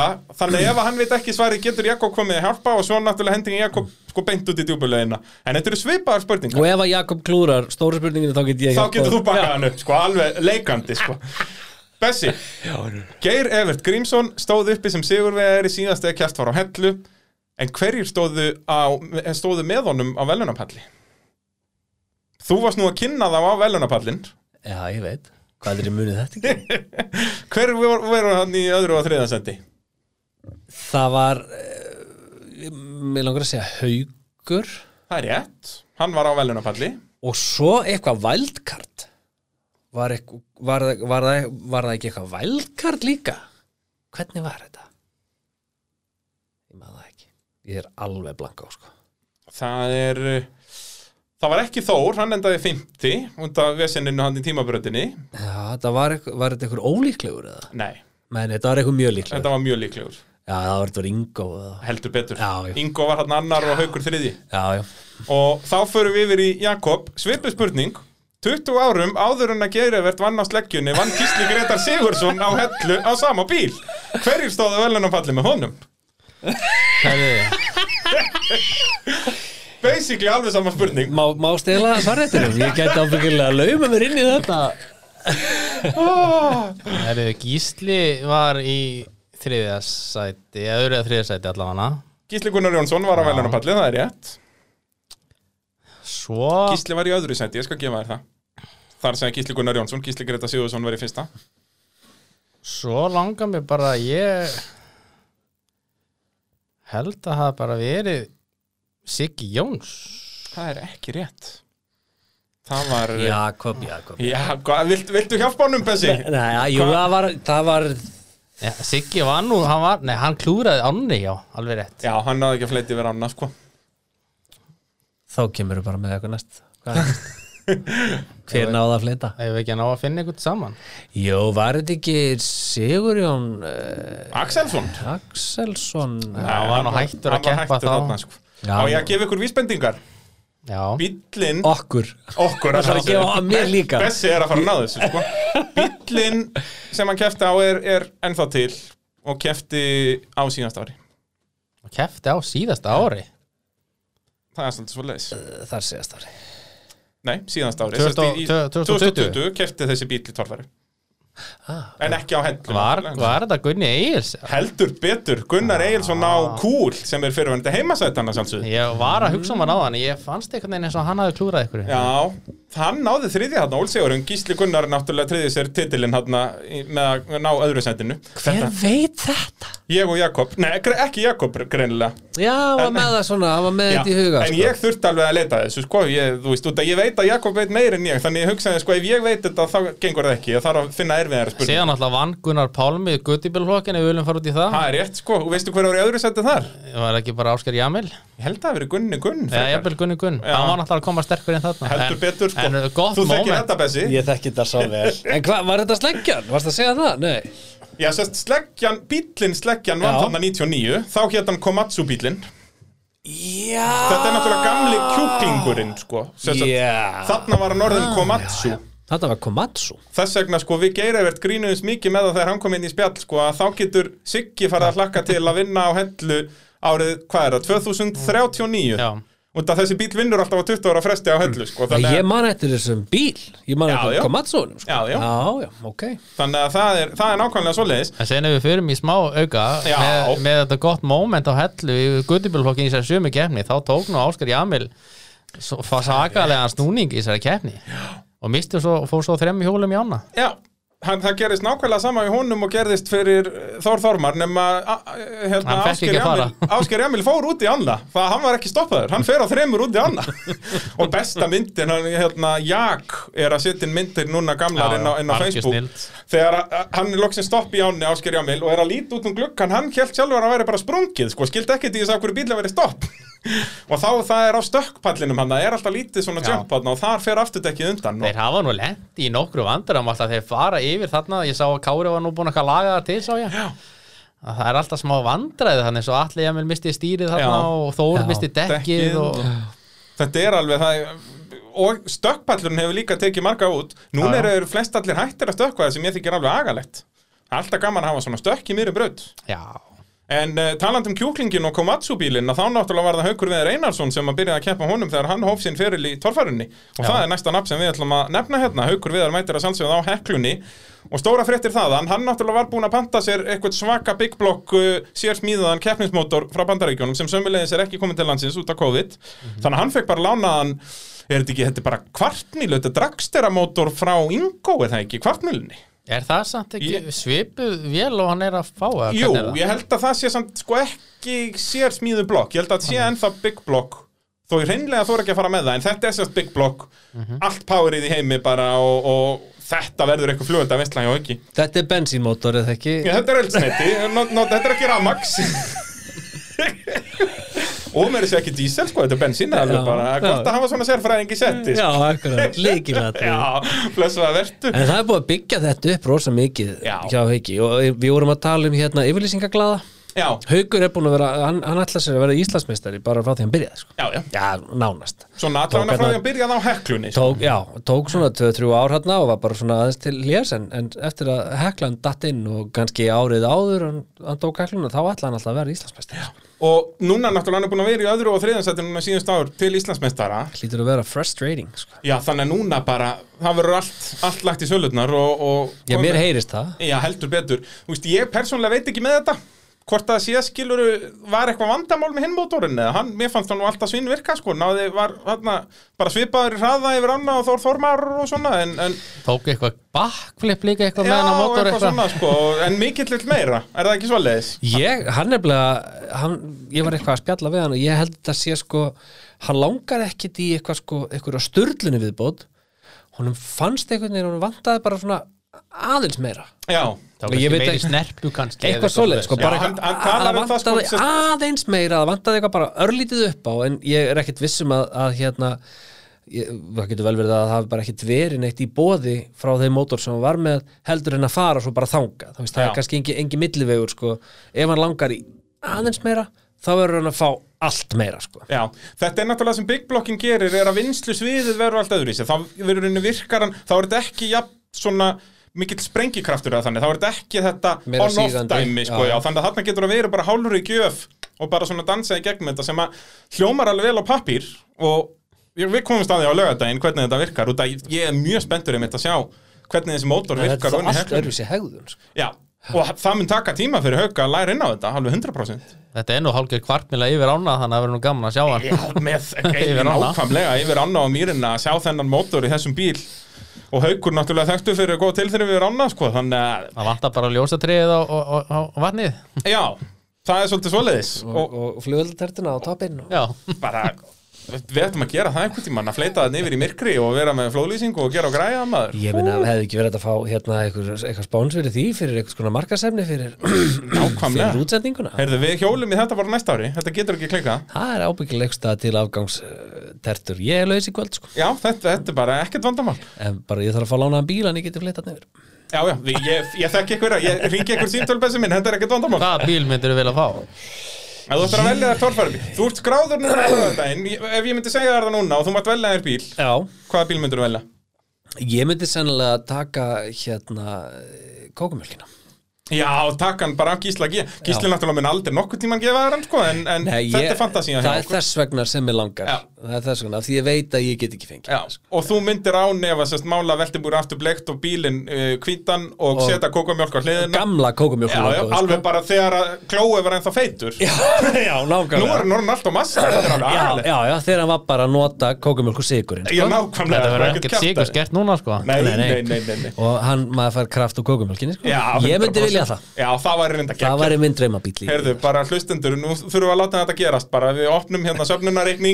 í hérna og, það þarf einhver að mannræna gísla held ég að þetta virki. Er ekki, á ekki eitthvað gott klóroform Er ekki svæfan bara?